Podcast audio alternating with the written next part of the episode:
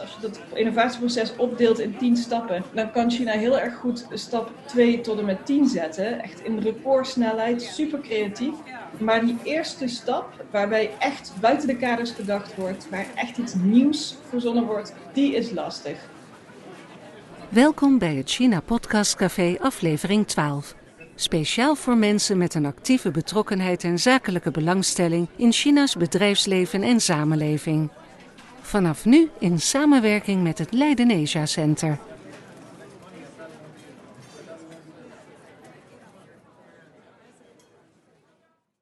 Eind oktober is bekendgemaakt waar het in China's 14e vijfjarenplan om zal draaien. Althans, in grote lijnen. De sociale en economische doelen die gesteld worden, lijken in hoge mate gericht op de binnenlandse ontwikkeling van de technologische sector en groei van bestedingen onder consumenten. Volgend jaar maart zullen de precieze plannen tijdens het Nationale Volkscongres ontvouwd worden. Tot die tijd, wat kunnen we nu al opmaken van de mededeling van de Chinese Communistische Partij? Bijvoorbeeld welke zwakke plekken zitten er in het plan? Wat zegt het over China's innovatiekracht en onderwijs? En over armoedebestrijding en ongelijkheid? In feite, welke prioriteiten stelt men? En zijn er gevolgen hiervan op geopolitiek niveau? En wat betekenen die nieuwe richtlijnen voor buitenlandse investeerders en het bedrijfsleven? In deze podcast zijn mijn gasten Frank Pieke, professor van moderne China Studies aan het Instituut voor Area Studies in Leiden. Een van zijn onderzoeken richt zich op de heerschappij en de organisatie van de Chinese Communistische Partij in de context van China's globalisering en markthervorming. Frank zal ingaan op de betekenis van China's vijfjarenplannen en hoe wij deze moeten lezen. Mijn tweede gast is Lucas Noldes, oprichter en CEO van Noldes Information Technology uit Wageningen, wereldspeler in software voor gedragsonderzoek bij mens en dier. Lucas is tevens bijzonder hoogleraar Behavior, Information Technology and Innovation aan de Radboud Universiteit. En tenslotte Evie Rammelo, correspondent voor verschillende Europese dagbladen en kranten waaronder het dagblad Trouw. Evie is gestationeerd in Shanghai en woont daar al zeven jaar. Zij zal achteraf de inzichten van Frank en Lucas becommentariëren. Mijn naam is Lilian Kranenburg, voorzitter van Guanxi, het China-kennisnetwerk voor ondernemers in Nederland en organisator van de maandelijkse China-cafés die helaas vanwege COVID-19 on hold staan. Maar zodra dat kan, in samenwerking met het Leiden Asia Center weer live plaats zullen vinden. Frank, als ik met jou zou mogen beginnen. De CCP heeft vanaf 1953 haar economie volgens uh, deze vijfjarenplannen bestuurd. De term klinkt eigenlijk een klein beetje alsof het een strak geleide planeconomie betreft. Maar dat is al lang niet meer zo. Waarom houdt China toch vast aan een dergelijke planning? En kan je iets zeggen over hoe het werkt? Hoe top-down is het eigenlijk? Ja, graag uh, natuurlijk. Uh, zoals je al zei, vijfjarenplannen zijn iets uh, van het socialistische verleden. In die tijd was het natuurlijk de bedoeling dat duidelijke quota's werden gesteld op centraal niveau, die dan door het hele land zouden worden uitgevoerd voor productie, maar ook voor consumptie natuurlijk. Tegenwoordig zijn die vijfjarenplannen, zoals je zei, er nog steeds. En ik heb eigenlijk het idee dat het huidige vijfjarenplan wat meer uh, voor het voetlicht uh, wordt gebracht dan uh, de voorgaande vijfjarenplannen tijdens de hervormingsperiode. En dat is denk ik ook indicatief voor wat hun rol is. die vijfjarenplannen zijn er eigenlijk voor bedoeld om de prioriteiten en de doelstellingen over de eerstkomende vijf jaar die op het centraal niveau worden geformuleerd, duidelijk te maken en die ook bindend te maken voor lagere niveaus en andere organisaties binnen de Chinese bureaucratie en het rest van het overheidsapparaat. Die quota of die, die doelen die, moeten dan, die gesteld zijn, die moeten dan vertaald worden op lagere niveaus in hun eigen doelstellingen, in hun eigen quota. Dus het is eigenlijk een onderdeel van de, hoe het proces in China altijd gaat. Het Chinese bureaucratische systeem is heel erg gedecentraliseerd. En, en het centrale niveau kan eenvoudig niet bindend opleggen precies wat men over, de hele, over heel China moet doen en ook niet moet doen. Dus je moet werken met wat meer algemene, wat meer globale doelstellingen, die ook wat langere termijn vaak hebben, die dan door het hele systeem heen moeten worden ingevuld. En dat betekent dus ook dat er aan de ene kant best wel vrijheid is voor uh, bijvoorbeeld provinciale uh, overheden om die doelstellingen in te vullen en verder te formuleren. Maar toch dat ze aan het einde van de rit zullen worden afgerekend op hun bijdrage aan de doelstellingen. Voor de centrale overheid is het van erg groot belang dat die doelstellingen bereikt worden. Met name de harde doelstellingen over economische groei. Bijvoorbeeld het vorige vijfjarenplan, de economische groei erin, die voorzien was, stond heel lang eigenlijk onder druk. En natuurlijk door COVID helemaal, het laatste eentje. En men heeft echt alles uit de kast proberen te slepen om toch die groeidoelstellingen te halen. Omdat in hun eigen beleving, althans de centrale overheid, vindt dat ze daarmee als het ware op worden afgerekend zelf ook. Dat dat voor hun een heel belangrijke uh, mijlpaal is, een, een meetpunt is om hun eigen politieke succes en daarmee hun legitimiteit te kunnen schragen. Dus er is heel veel aan gelegen, maar het is geen planning meer zoals in het verleden, maar het is meer een, het formuleren van doelstellingen die op allerlei, alle mogelijke manieren in vaak vrij aanzienlijke vrijheid kunnen worden uitgevoerd. Ja, dat is interessant wat je zegt. Hè? Die groeidoelstellingen worden afgerekend daarop en afgerekend worden waarschijnlijk door de burgers. Die middenklasse wil ik het daarom eens even naar gaan kijken. Want die middenklasse groeit ieder jaar, hebben we gezien. Per capita wordt men rijker. De gemiddelde burger verdient nu iets van 11.000 US dollars per jaar. En dat blijft gestaag groeien. En dat wil men natuurlijk ook zo houden. Het plan noemt zelfs 2035 als punt op de horizon waarin China een tamelijk welvarend land moet zijn. Hoe wil China die groei garanderen en welke obstakels zal het moeten overwinnen? om niet die legitimiteit ook te verliezen. Ten eerste wil ik nog even een klein dingetje toevoegen. Namelijk het hebben van dergelijke plannen is op zich natuurlijk ook een indicatie dat China echt een ander land is, een andere politieke en economie heeft dan wij dat hebben. Het feit dat men doelstellingen heeft als land als geheel, eh, is op zich eigenlijk vrij bijzonder. Eh, dat je ideeën hebt van hoe je er over vijf jaar zou willen uitzien. En dat je met z'n allen daaraan moet gaan werken. Wij hebben natuurlijk ook wel dat soort ideeën, maar het, het hele idee van een geïntegreerd plan is iets wat toch redelijk wezensvreemd is aan ons althans. En dat is ook iets wat bijvoorbeeld in de discussies over China 2025 en dergelijke steeds weer terugkomt. Ja, de Chinese communiteit heeft plannen, dat is perfide, dat is gevaarlijk. En uh, moeten we eigenlijk ons tegen weerstellen. Maar vanuit het Chinees perspectief is het gewoon volkomen normaal. Het is een, een bijna onvermijdelijke manier om de maatschappij te sturen en het bureaucratische systeem te sturen. Maar goed, terugkomend op je vraag. Wat willen ze eigenlijk doen en hoe willen ze het eigenlijk doen? Inderdaad, het belangrijkste doel is doorgaande economische groei, zoals je ook al zei, het vergroten van de middenklasse en met name het steeds meer kunnen eh, bouwen op economische groei die van binnenuit in China plaatsvindt. Nou, dat is op zich helemaal niet nieuw. Dat is iets wat ze al uh, zeker 15 jaar, zo niet langer, zeggen dat die afhankelijkheid van export moet verminderen en dat de Chinese economische groei moet gedragen worden door de binnenlandse vraag van de economie, maar ook binnenlandse innovatie. Dat zijn eigenlijk twee verschillende methoden om dat te doen. Dus aan de ene kant economische groei door het stimuleren van de binnenlandse vraag, lees uh, aan de ene kant investeringen, aan de andere kant consumentenbestedingen, om dat te stimuleren. Aan de andere kant uh, een lange termijn groei door technologische innovatie te stimuleren en te financieren, waardoor er ook steeds meer, ja, citaat bijna, hoogwaardige groei kan plaatsvinden. En China's afhankelijkheid van laagwaardige assemblage en productie van laagwaardige, relatief laagwaardige goederen steeds minder afneemt en China daarmee ook een wereldleider kan worden op allerlei uh, hoogtechnologisch gebied, waarbij we natuurlijk onmiddellijk allemaal gaan denken aan chips en dat soort dingen. Maar het ligt veel breder. Er zijn uh, bijvoorbeeld het, de auto-industrie met uh, autonoom rijden, elektrische auto's, natuurlijk ook softwareontwikkeling is superbelangrijk. Biopharma is een, een zeer belangrijk terrein. En zo kan je er nog wel een aantal noemen. Waar we in China zegt van daar moeten we echt op inzetten om geïntegreerd een hoogwaardige economische groei te kunnen hebben, ook voor de lange termijn. En doordat wij de concurrentie en de, de wedijver ook met het buitenland, lees voornamelijk Amerika, steeds beter aan kunnen gaan en uiteindelijk misschien zelfs eh, China Amerika zouden kunnen overtreffen. Oké, dat, begrijp ik. Ook wat je hebt gezegd over die uh, geïntegreerde economie. Vooral ook om die concurrentie aan te gaan met het buitenland. Maar welke obstakels zal uh, China moeten overwinnen, denk jij? Nou, natuurlijk, de belangrijkste obstakels die ze in hun eigen beleving zien, is de relatie met de Verenigde Staten en het steeds vijandiger worden zeg maar, van het internationale klimaat. En daar kan je natuurlijk heel erg veel over zeggen. Daar wordt ook ontzettend veel over gezegd.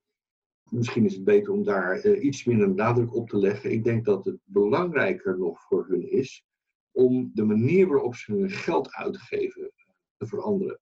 Want ondanks alle goede bedoelingen en beloftes, blijft de Chinese overheid als puntje bij paaltje komt het meeste van de budgettaire ruimte, zowel op lokaal niveau als op centraal niveau, gebruiken voor investeringen en het ondersteunen van bedrijven in staatseigendom. Uh, dus er wordt heel veel geld besteed aan het bouwen van bruggen, aan het bouwen van wegen, uh, enzovoort, enzovoort. Terwijl er toch, ondanks dat men zegt dat men dat niet moet doen, te weinig geld wordt gegeven aan de consument, zeg maar. Dus de tegenspraak die er heel sterk zit in het systeem en in het beleid, is voor in mijn beleving het belangrijkste obstakel dat ze moeten overwinnen. En aan de ene kant weten ze dat economische groei uiteindelijk voornamelijk gedragen moet gaan worden door consumptie, door de consument, door de middenklasse, maar ook andere mensen in China, om meer geld in hun zakken te stoppen. Aan de andere kant is er toch nog steeds die ja, laten zeggen, die socialistische plan-economische modus of habitus, um, dat dat eigenlijk een beetje verspilling is en dat het belangrijker is om in te zetten op die dingen die productief zijn. En ook waar je eigen achterban uh, het meeste baat bij heeft, namelijk investeringen, staatsondernemingen en dergelijke. En die spanning blijft nog steeds aanwezig. En je ziet, als ze echt een keuze moeten maken, kiezen ze dan toch voor het laatste en niet voor het eerste. Vaak tegen beter weten in. Dus China heeft eigenlijk te maken met een aantal bijzonder grote uitdagingen op nationaal terrein, dat zeg jij. En we weten natuurlijk ook dat er vraagstukken zijn over de groeiende welvaartskloof, temperende economie, groeiende onrust onder de bevolking over het milieu. En wat jij nu zelf ook zegt, maar hoe geef je dan het geld uit? Hoe maak je die afwegingen? Kan je daar misschien nog iets meer zeggen over die visie en misschien ook zelfs meenemen de term die nu gelanceerd is, de dual circulation? Ja, nou dat is eigenlijk een, natuurlijk weer zo'n prachtig Chinees uh, aforisme bijna. Uh, dat uh, al, niks meer betekent dan de Chinese Communistische Partij wil dat het betekent. op zich zegt het helemaal niks. Het, het enige wat er belangrijk is, hoe het wordt ingevuld door politieke leiders in, in hun verdere toespraken en andere beleidsdocumenten. Maar kort gezegd komt het er volgens mij op neer dat men zegt, ja, we zijn te veel afhankelijk geweest relatief van export en laagwaardige export dat moet eigenlijk ophouden, omdat het ook geopolitiek gevaarlijk is voor ons. Die sterke afhankelijkheid van met name Amerika, maar ook van andere landen. En we moeten meer op eigen benen kunnen staan, omdat ten eerste de Chinese economie sowieso de grootste economie al bijna is en zeker gaat worden. Dus groei moet noodzakelijkerwijs vanuit onze eigen economie komen, omdat er dan te weinig te halen valt in het buitenland, zeg maar. Maar ook omdat het politieke afhankelijkheden creëert die we eigenlijk niet meer willen, want we zijn nu aan een supermacht aan het worden. En een supermacht die op allerlei manieren uh, gebonden is, geketend is aan andere supermachten of andere belangrijke economische machtsblokken, kan zichzelf niet voldoende profileren. Dat is eigenlijk de politieke achtergrond dat je dat voortdurend speelt. Uh, die uitdaging die je noemde van klimaat, ongelijkheid en dergelijke, er is allemaal niks nieuws aan. Uh, dat, dat, dat bestaat, die, die uitdaging kennen ze al 20, 25, 30 jaar. En ze, elke keer zeggen ze weer dat ze iets aan doen. En ze doen er ook dingen aan. Daar werken ze ook aan. Daar hebben ze strategie voor. Alleen vaak zetten ze daar toch niet voldoende geld voor in. Omdat, ja, zoals ik al zei, er te veel geld wordt uitgegeven aan dingen die au eigenlijk niet uh, helemaal rationeel zijn bijna. Dus te weinig uh, geld gaat er naar de software in plaats van de hardware, zoals de bruggen en zo. Hè? Dat is eigenlijk wat jij zegt. Oh, dan wil ik me eigenlijk eventjes nu wenden tot uh, Lucas. Lucas, Frank heeft het over China als supermacht. Jij bent een internationale ondernemer. In Beijing staat één van jullie kantoren. En jullie begeven je in een sector waar China zijn zinnen opgezet heeft. Namelijk die van hoogwaardige technologische producten en diensten. Hoe belangrijk is jullie kennis voor China op dit moment en hoe lang blijft die relevant, denk jij, Lucas? Dankjewel, eh, Lian, voor deze vraag. die kennis is heel relevant in de markten waarin wij opereren. En die markt moeten we iets nauwer definiëren dan de markt van hoogwaardige technologische producten, want dat is wel heel erg breed. Wij zijn een Nederlandse onderneming die toeleverancier is van het wereldwijde wetenschappelijk onderzoek. En dat wetenschappelijk onderzoek maakt gebruik van tools, software tools, hardware tools, instrumenten, waarmee wetenschappers uh, efficiënt en uh, kwalitatief hoogwaardig onderzoek willen doen en zo snel mogelijk de beste inzichten verkrijgen in de problemen die ze onderzoeken. En die, tools, die, die markt is een wereldmarkt waar China actief in eh, participeert. Een wereldmarkt waarin wetenschappers uh, Engelstalig communiceren, publiceren, Engelstalige gereedschappen gebruiken, software tools. ik noem even drie voorbeelden die illustratief zijn. het ontwerp van nieuwe auto's auto's die veilig moeten zijn en waarin de bestuurder een optimale gebruikersbeleving moet hebben. Daarvoor wordt user experience onderzoek gedaan. Het eh, onderzoek naar de interactie tussen de mens en, het, en de machine, de mens en het apparaat, de, de chauffeur en het dashboard. De, dat dashboard moet zo ontworpen zijn dat die chauffeur snapt wat er staat, dat hij niet afgeleid wordt. En idealiter dat die auto ook doorheeft wanneer er met die chauffeur iets overkomt. Wanneer die chauffeur de slaap dreigt te vallen, vermoeid is, mentaal overbelast wordt. Nou, dat is een zeer actief onderwerp van onderzoek. Daar maken wij de tools voor. En wij kunnen dat, of uh, ja, wij, wij leveren tools op een niveau die in China nog niet voorhanden is. En dat geldt eigenlijk voor alle landen waarin we die tools verkopen. Dat is niet exclusief van China, dat geldt ook in, in de Verenigde Staten of in Japan, waar men onze tool, de tools van een Nederlands bedrijf koopt, omdat wij Nederlandse kennis in hoogwaardige software weten te verpakken die voor hen uh, aantrekkelijk is. Dat, en dat vakgebied staat in China nog in de kinderschoenen. En daar maakt men dus dankbaar gebruik van westerse software tools. Ander voorbeeld, de bruikbaarheid of de usability van medische apparatuur. China heeft een, een opkomende industrie van medische apparatuur en hulpmiddelen. En daaraan wordt onderzoek gedaan, wat noemt men human factors engineering. Dus het zo ontwerpen van het instrument dat het door de mens goed gebruikt kan worden. En dat uh, medische fouten voorkomen worden. Dat onderzoek moet uitgevoerd worden om die apparatuur op een zodanig niveau te krijgen dat die naar het Westen geëxporteerd kan worden. Dus dat niet alleen de binnenlandse markt in China daarmee voorzien wordt, maar ook men op de wereldmarkt van de medische technologie kan meespelen. Daarvoor gebruikt men onze software om die, die processen, die usability, objectief vast te stellen. Nog een derde voorbeeld. Het biomedisch onderzoek met als doel ontwikkeling van geneesmiddelen voor hersenaandoeningen.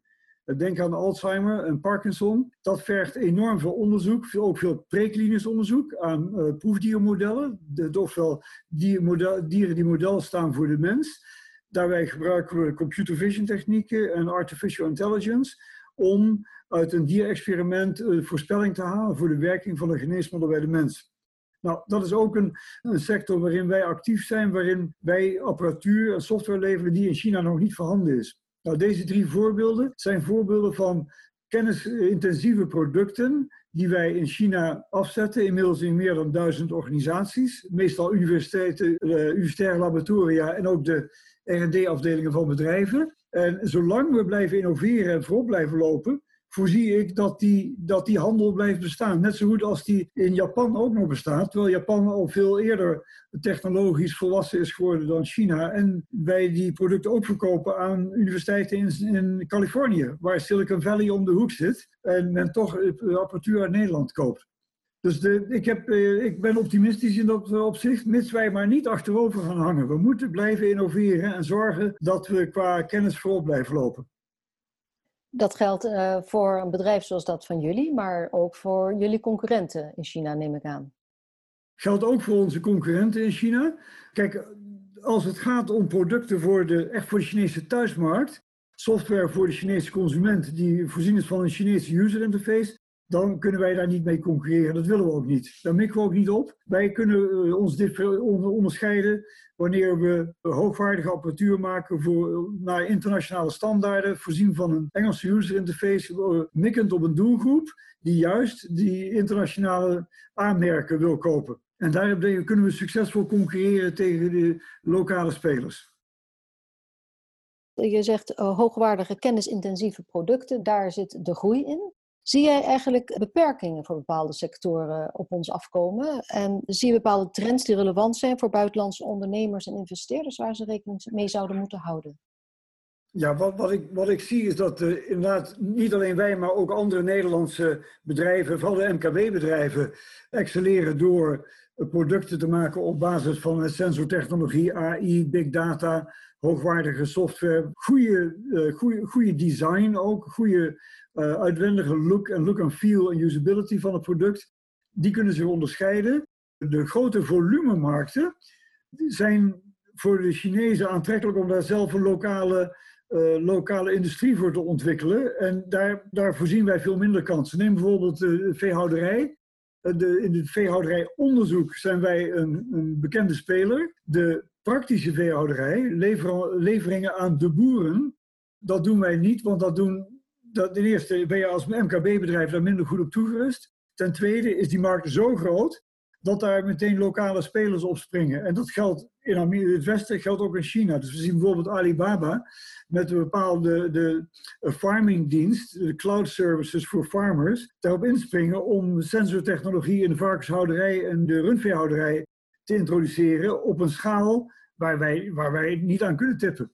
Dus dat laten we dan graag over aan de grote agrotechbedrijven, die veel meer slagkracht hebben om in de Chinese landbouw- en veehouderij marktaandeel te verkrijgen. Maar ik, ik, kan, ik kan niet voor de Nederlandse grote agrotechbedrijven spelen of zij dat ook werkelijk doen uh, en hoe succesvol ze daarin zijn. Als we eventjes een beetje uitzoomen, hè, Lucas, en we kijken naar de roep vanuit Amerika om handelstromen en investeringen te ontkoppelen.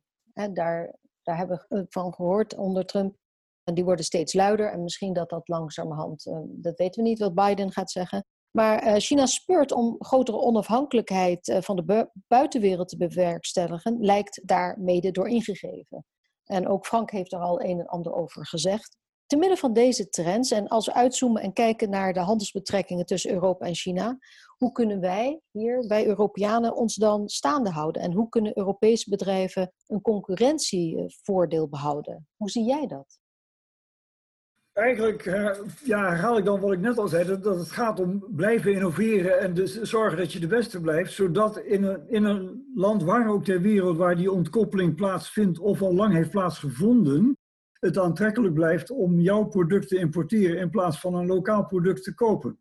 En dat hebben we in het verleden ook in Japan, maar ook in Frankrijk en Duitsland gezien, waar wij uh, ja, zeg, een, lang geleden, een, in het begin van mijn ondernemerschap, wat inmiddels uh, drie decennia bestaat, een hele sterke mate van protectionisme bespeurde. Waarbij een Franse wetenschapper natuurlijk een Frans product zou kopen en een Duitse wetenschapper natuurlijk een Duits product. En inmiddels zit hij in de top 5 van onze afzetgebieden. En uh, hebben wij een aantal Franse en Duitse spelers verslagen op hun thuismarkt, doordat ons product aantoonbaar beter is dan hun product. En die, op grond daarvan hoop ik ook en vertrouw ik ook op dat wij in China en ook alle Nederlandse techbedrijven in China zaken kunnen blijven doen.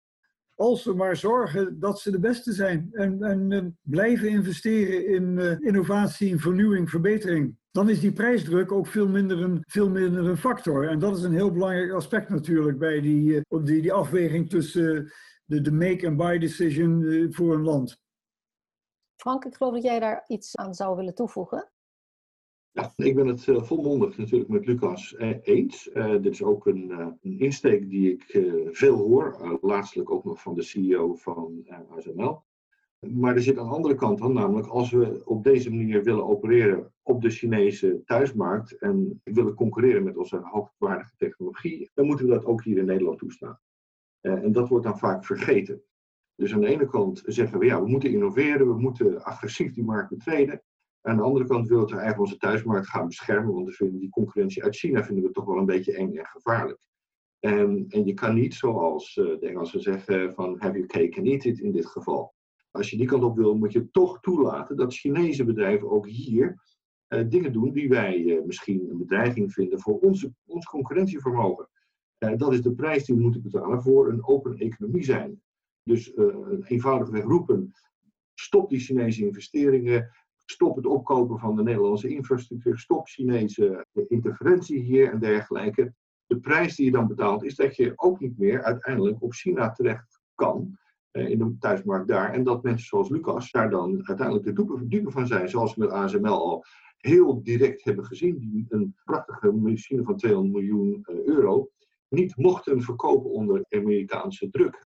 En dat zijn de dingen die ontzettend gevaarlijk zijn en uiteindelijk de hele wereldeconomie er slechter afmaken. Nou, dat, dat kan ik alleen maar beamen. We moeten een level playing field niet alleen vragen van de andere partij, maar ook bieden aan de andere partij. Die level playing field waar wij het over hebben, dat eh, China ons moet geven, moeten we hen ook gunnen. Dat is wat jullie allebei zeggen. Als ik dan sowieso een vraag aan jullie beiden zou mogen stellen. China werkt graag met doelen en jaartallen, dat, dat weten we allemaal. Bijvoorbeeld China 2025. Dat valt toevallig samen met het komende plan, Een strategisch plan met het doel om China minder afhankelijk te maken van het buitenland. We noemden dat al een paar keer. Maar ook uh, China Standards 2035, het jaartal waarin internationale standaarden voor nieuwe technologie bepaald worden. En leidend in deze doelen is de noodzaak om de weg van kwaliteit in te slaan. Ook Frank heeft daar al iets over gezegd. Dus niet langer produceren om het produceren, maar af van de predicaat made in China dat voor goedkoop zou staan. Maar hoe schatten jullie deze streefdata ten opzichte van de haalbaarheid van deze kwaliteitsdoelen in?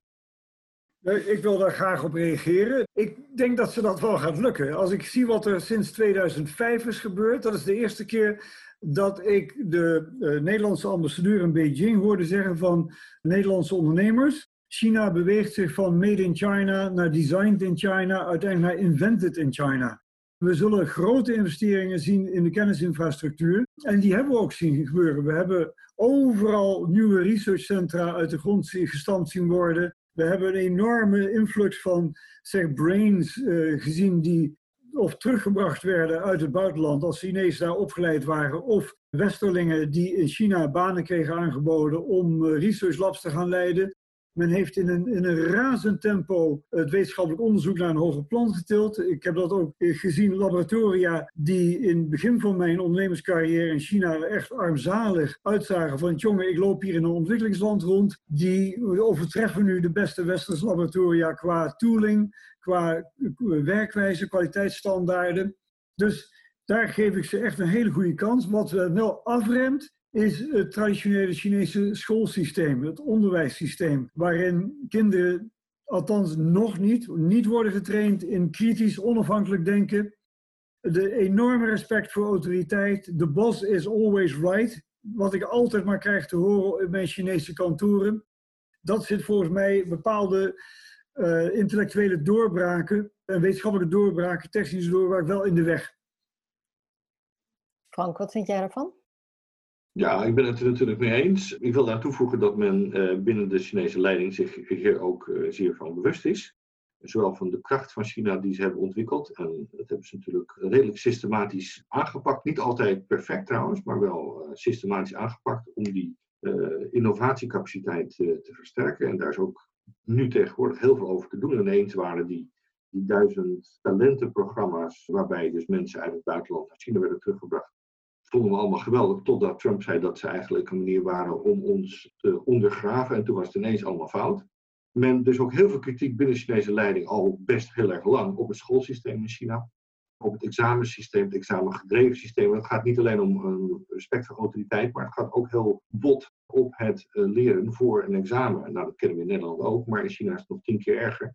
En dat vindt men juist een probleem punt is alleen, wat doe je eraan? Want dat examensysteem heeft ook heel veel legitimiteit. Omdat het voor ouders en kinderen een level playing field creëert. En dus een idee geeft van, als je maar slim en hard goed werkt, dan kom je er wel. Dus als je dat examensysteem als het ware op losse schroeven gaat zetten, dan zit je ook meteen bijna aan de hart van een heel groot deel van de legitimiteit van de maatschappij. Dus het is niet zo makkelijk als het lijkt, maar mensen is er wel heel erg van bewust. Het zet ook heel erg sterk in op onderwijs in meer specifieke uh, vaardigheden, hè, zeg maar MBO, HBO-onderwijs, dat wordt heel erg sterk opgebouwd. Maar daarnaast wordt ook heel erg sterk gericht juist op heel fundamenteel onderzoek en opleiding daarvoor. Dus ze pakken dit goed aan. Alleen, ja, dat kost tijd. En er is, in, zoals ik zei, ook wel een, uh, een zekere maatschappelijke rem op af en toe. Nou, dat, dat klinkt uh, dus hoopvol, vind ik, voor wat jij zegt, wat er gaat gebeuren in dat land. En daar moeten wij ook ons rekenschap van geven? Wie je bent. Als je, als je dus een, een, een oude, nieuwe, een nieuwe koude oorlog krijger bent, dan vind je dit allemaal heel erg slecht nieuws. En dat moeten we ook niet onderschatten. Alles wat China nu goed doet, is tegenwoordig in Nederland en in westerse landen, is nu, wordt nu gezien als een bedreiging. En dat is, vind ik, toch de grootste bedreiging die er is. Dat moest ik toch even kwijt. Wat jij nu zegt, hè, wat er hier vandaag besproken wordt, ook dan ook heel erg nodig om ook te laten horen dat het niet alleen maar gaat om een dreiging, maar misschien ook om een manier om elkaar te vinden. Voordat ik naar Eefje ga, Frank, dan nog één vraag aan jou. Want dat is iets wat ons allemaal aangaat in deze wereld immers. Klimaat en milieu. En China heeft gezegd in 2060 energie-neutraal te willen zijn. En in welke mate lijkt China met dit vijfjarenplan proactieve stappen te zetten, te kunnen zetten op het wereldtoneel? En is het bereid om die mondiale trekkersrol te willen spelen?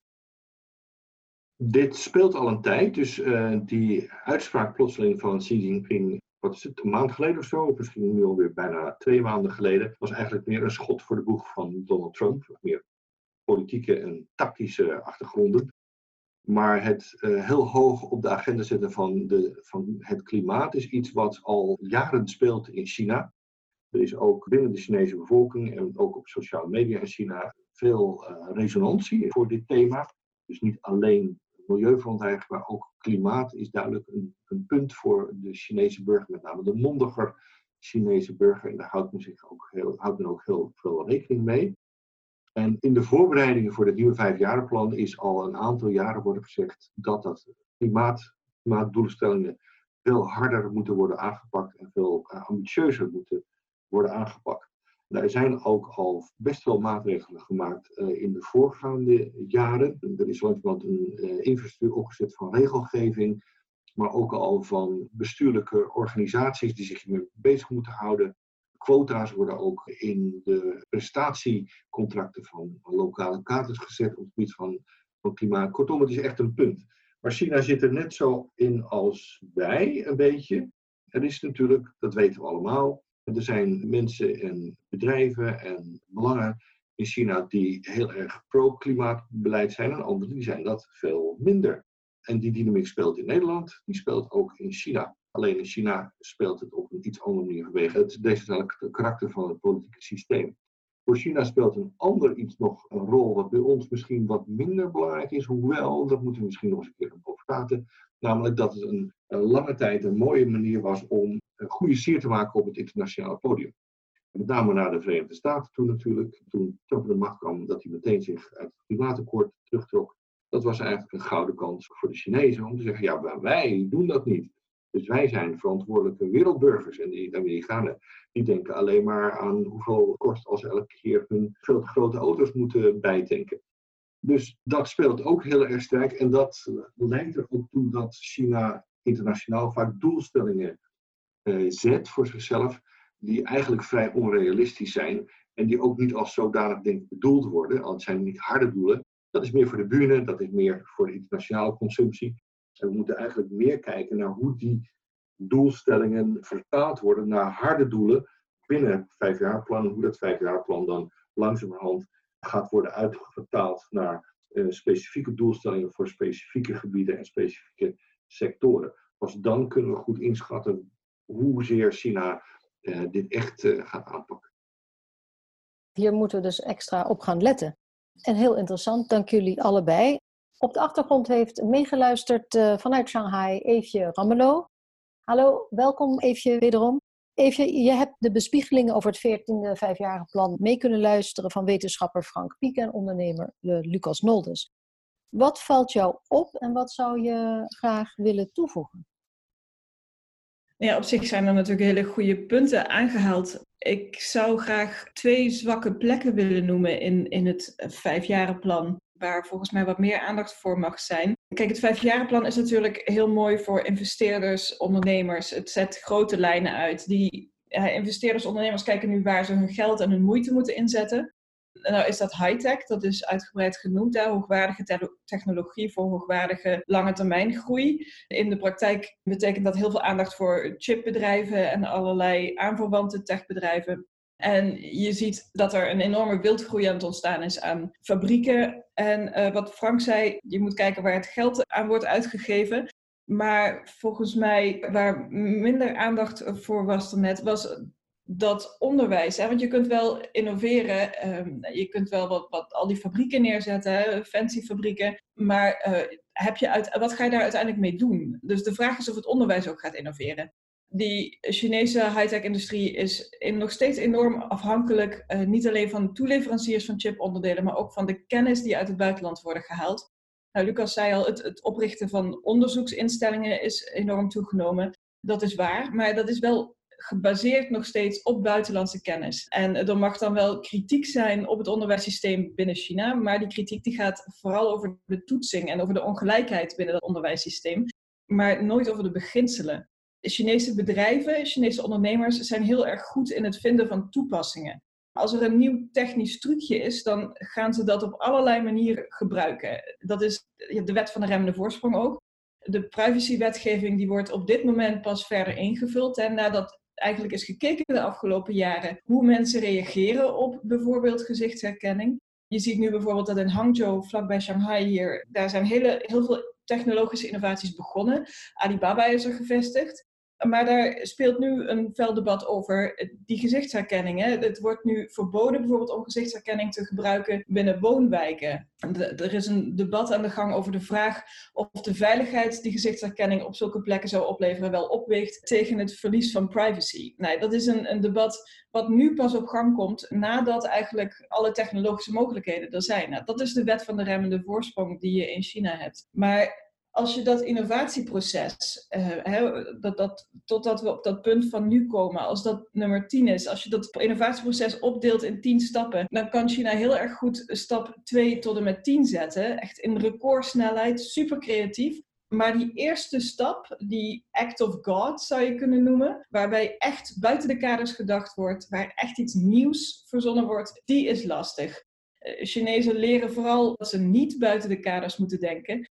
En uh, ja, inmiddels hebben ze het zichzelf aangeleerd. Buiten de lijntjes kleuren, dat levert mafaan op. Dat, dat levert gedoe op met je werkgever, met de autoriteiten. Dus dat kun je beter vermijden. Dus ik denk, er is absoluut beweging in het onderwijs. En ik denk dat China ook echt wel beseft dat daar iets moet veranderen. Maar ja, het, het onderwijssysteem zodanig veranderen dat, uh, dat mensen dus buiten de lijntjes moeten kunnen kleuren, dat, dat, dat is voor China een hele enge en misschien een iets te grote stap. Maar die stap die is wel noodzakelijk. Wil je dat vijfjarenplan van die hoogwaardige technologie, wil je dat, dat doel bereiken om uiteindelijk op hetzelfde niveau te komen als Europa en daar voorbij te gaan. Europa en de Verenigde Staten uiteraard. Het tweede element wat ik wilde noemen, het tweede zwakke plek in dat uh, dual circulation uh, systeem, de strategie, dat is de stimulering van de binnenlandse consumptie. Frank noemde dat al. Het betekent dat mensen meer geld moeten uitgeven. Ja, dat kan op heel veel verschillende manieren. Er is absoluut een enorm groot potentieel om die consumptie uh, te laten toenemen. Hè. Denk aan die miljoenen arme mensen, plattelandsbewoners, boeren, die nooit geld uitgeven. Echt letterlijk nooit. Uh, ze eten groenten van hun eigen veldje. Heel af en toe kopen ze wat rijst en wat olie. Ik sprak een keer met een, een mijnwerker die geen werk meer had en die vertelde dat de school van zijn kinderen het meeste geld kostte. En toen dacht ik, maar hoe kan dat nou? Want de school is gratis. En maar het, blijkt dat de kleding die hij voor zijn kinderen moet kopen en de boeken die hij voor zijn kinderen moet kopen en de extra lessen, dat, daar zat hem voor hem de meeste uitgaven in. Wat ook maar aantoont dat ze dus gewoon nooit geld uitgeven voor zichzelf, voor een huis. Als ze één keer per jaar een nieuwe trui kunnen kopen, dan, dan, is, dat, dan is dat een grote uitgave. Ja, als die miljoenen mensen nou eens een keer meer geld konden gaan uitgeven, dan heb je die stijging van de binnenlandse consumptie. Maar de Chinese regering worstelt daarmee. En um, dat is wederom een structurele verandering die nodig is. Het gaat niet alleen erover waar je het beschikbare geld moet inzetten of kunt inzetten de komende vijf jaar. Het gaat er ook over hoe je structureel dingen verandert, zodat, ja, zodat je de stemming in het land verandert en zodat je de, de mindset van mensen verandert. De hele setup van de samenleving heeft een tweak nodig als je nou bijvoorbeeld een betere pensioenvoorziening zou hebben, een beter sociaal vangnet, dan durven mensen meer uit te geven. En dat zijn zulke grote structurele veranderingen. Die worden door experts wel aangegeven als de oplossing. Maar die zijn voor de Chinese regering in Beijing vaak nog een stap te ver.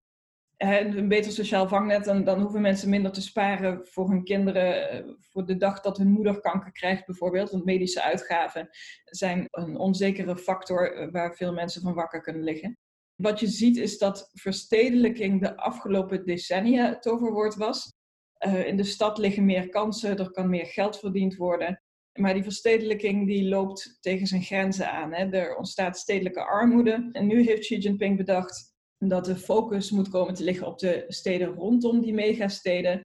Uh, hij wil het platteland gaan ontwikkelen. De dorpen en steden die door arbeidsmigranten verlaten zijn, die moeten nieuw leven ingeblazen krijgen. Er ontstaan ook nieuwe nederzettingen ja, die het makkelijker maken om diensten te verlenen aan mensen. Ja, en die maken het misschien op den duur ook makkelijker om zo'n sociaal vangnet op te, op te zetten. Maar dat zijn, dat zijn zulke grote wijzigingen ook, waarvan ik me afvraag of die überhaupt zouden worden genoemd in een vijfjarenplan. Omdat dat zoveel gevolgen weer heeft, dat men daar misschien de tijd die rijp voor acht. Of, of dat er andere dingen eerst moeten veranderen voordat die structuur, de setup van de samenleving kan worden veranderd om te horen hoe je dat onderwijs en die binnenlandse consumptie eh, benadert. En in welke mate misschien het vijfjarenplan daar te weinig nog aandacht eh, voor heeft. Maar ik zou ook graag willen horen, wat vinden Frank en Lucas daarvan? Want Eefje heeft ook gezegd, ja, dat heb ik, daar heb ik net nog iets te weinig over gehoord in, in dit hmm. gesprek. Dus uh, begin ik nu bij jou, Frank. Ja, ik wil wel iets zeggen over wat Eefje zei over uh, armoede, stedelijke armoede, ook armoede op platteland, uh, sociaal vangnet en zo.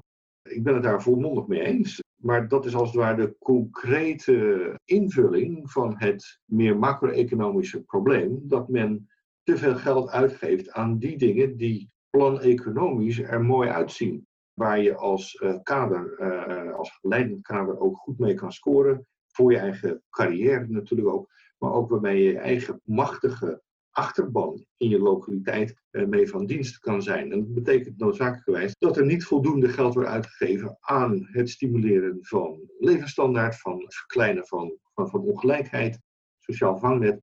Het zijn vrij simpele dingen eigenlijk die je moet doen, maar het punt is de prioritering daarvan. Als puntje bij paaltje komt, daar ligt vaak toch het probleem. En dat heeft natuurlijk ook weer te maken, zoals ik in het begin al zei, met het gedecentraliseerde karakter van het politieke systeem. Men kan heel veel zeggen in Peking, maar uiteindelijk hebben ze niet voldoende directe macht en financiële slagkracht om dat dwingend op te leggen over heel China. Dus als ze zeggen, ja, we, hebben, we willen een sociaal vangnet hebben, dat hebben ze ook opgezet. De regels en de spelregels en zo zijn duidelijk. Ook de financieringsmechanismes zijn min of meer wel ontworpen. Alleen er moet er nog wel voor betaald worden. Uh, en ja, dat geld moet dan wel uit het lokale budget komen. En het centrale budget, ja, die, dat, dat geeft dan even niet thuis. Dus dat betekent eigenlijk dat je bestaande ongelijkheden in China blijft houden. Want arme gebieden blijven daardoor arm, want die kunnen ook geen sociaal vangnet betalen. Dus die worden in plaats van relatief minder uh, arm, worden ze relatief eigenlijk steeds armer. En dat is dus de politieke economie van China, die hier echt in de weg zit, denk ik.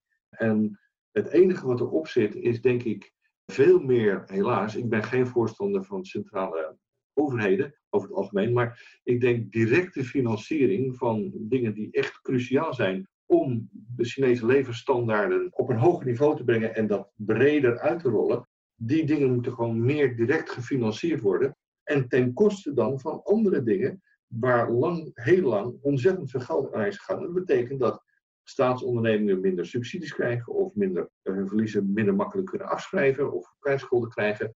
Dat infrastructurele projecten alleen maar die worden goedgekeurd die echt nog noodzakelijk zijn. Misschien zelfs dat er gesneden gaat worden in de defensieuitgaven, waar natuurlijk ook best heel veel geld naartoe gaat. En andere dingen die de overheid eh, belangrijke prioriteiten vindt, omdat ze zo mooi zijn. Ze zien er zo goed uit. Presenteren voor, aan zichzelf het beeld van het machtige, moderne, vooruitstrevende China. En die dingen moeten ze eigenlijk een beetje vergeten, vind ik. En ze moeten een beetje terug naar de basics en kijken, oké, we hebben toch wel een maatschappelijk draagvlak daarvoor nodig. En als we dat niet hebben, gaat het uiteindelijk niet goed. Ze zijn zich ervan bewust, ze zeggen het steeds weer, maar uiteindelijk doen ze er niet genoeg aan. Dat is het punt. Ben je daar iets aan uh, toe te voegen, Lucas? Ja, Lian, dank je dat je me nog even het woord geeft. Dat geeft me ook de kans om even snel een misverstandje te voorkomen. Waar, waar, Eva sprak over de gezichtsherkenning met camera's op straat. Dat is typisch een, een, een lokale technologie en industrie in China. Dat is heel iets anders dan die gezichtsherkenning, eh, emotieherkenning, expressieanalyse, die wij toepassen in het wetenschappelijk onderzoek. Dat moeten we niet met elkaar verwarren, want dat uh, is al regelmatig gebeurd in de media. En dat is uh, niet bevorderlijk voor, de, voor het begrip. Het andere punt dat uh, even maakt, dat de Chinese overheid zich bewust is van innovaties in het onderwijssysteem die nodig zijn om een creatieve economie, een creatieve industrie te stimuleren die nodig is voor duurzame groei. Dat verheugt me dat te horen we moeten ons wel realiseren dat wat wel zeg, minstens twee decennia gaat duren voordat het effect heeft. Voordat de kinderen die nu op vijfjarige leeftijd naar lagere school gaan, totdat die de arbeidsmarkt betreden over twintig jaar, eh, dan pas zullen we merken wat het gevolg is van hun andere manier van onderwijzen. Het onderwijs dat ze genoten hebben. Dus dat zal niet een, een impact hebben in, het komende, in de komende vijf jaar. Dat, dat ligt nog een paar vijf jaren plannen vooruit in de toekomst. Wat, wat ik zelf nog niet gehoord heb in het verhaal over het onderwijs, is eigenlijk de invloed van de terugkerende buitenlandse studenten. Die China mee zullen helpen in de vaart der volkeren. Als we kijken op het gebied waar we het net over hadden, hebben, eh, robotica, AI. Wat is de rol van deze studenten, denk jij, op de lange termijn? Ja, nou dat zijn, dat zijn de studenten waar, waar die hele industrie zo ontzettend op leunt die de kennis terugbrengen naar China en, en die die kennisinstituten, zij moeten die instituten met kennis gaan voorzien eigenlijk. Dus daar, daar is China veel aan gelegen om die kennisuitwisseling, of eigenlijk dat kennis halen uit het buitenland, om dat te waarborgen. En ik denk dat er door heel veel van die, uh, van die instituten, maar ook heel veel vanuit de, top van China, uh, van het Chinese leiderschap, met angst en beven misschien wel wordt gekeken naar de maatregelen die nu in Amerika bijvoorbeeld worden genomen. En, en ook de de, de, voorzichtigheid waarmee Europa nu kijkt naar Chinese studenten en wat ze eigenlijk komen doen. En dan gaat het nog niet eens zozeer om uh, of ze wel of niet gelinkt zijn aan de PLA, aan het volksleger. Het, het, gaat er gewoon om die concurrentieslag. China is van plan om, om die concurrentieslag te winnen. En de kennis haalt ze daarvoor op dit moment uit het buitenland. En die studenten, als die geweerd worden uit Amerikaanse universiteiten of Europese universiteiten, dan, ehm, dan is dat een hele grote slag voor, voor, Chinese, voor die Chinese ambities.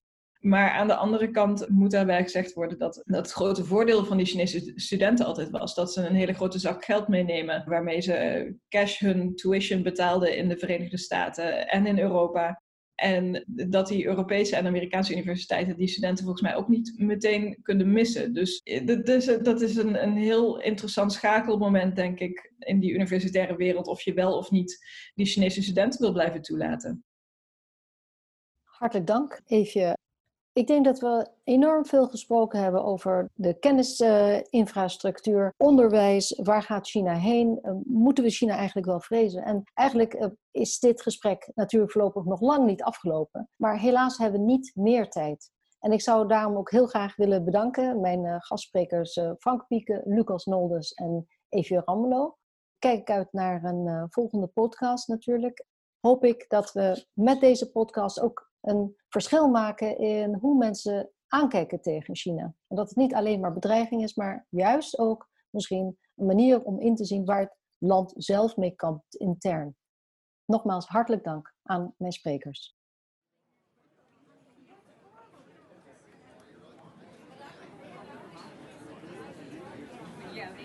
Je luisterde naar het China Podcast Café in samenwerking met het Leiden Asia Center.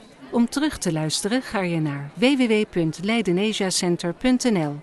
Op de hoogte blijven van toekomstige China-cafés? Meld je dan aan voor de Leiden Asia Center nieuwsbrief. Aan al onze trouwe bezoekers en volgers zeggen wij: zodra dat kan, zien we jullie graag weer terug op onze reguliere China-cafés. Tot die tijd doen we het even zo en wensen we iedereen een blijvende goede gezondheid toe. Proost!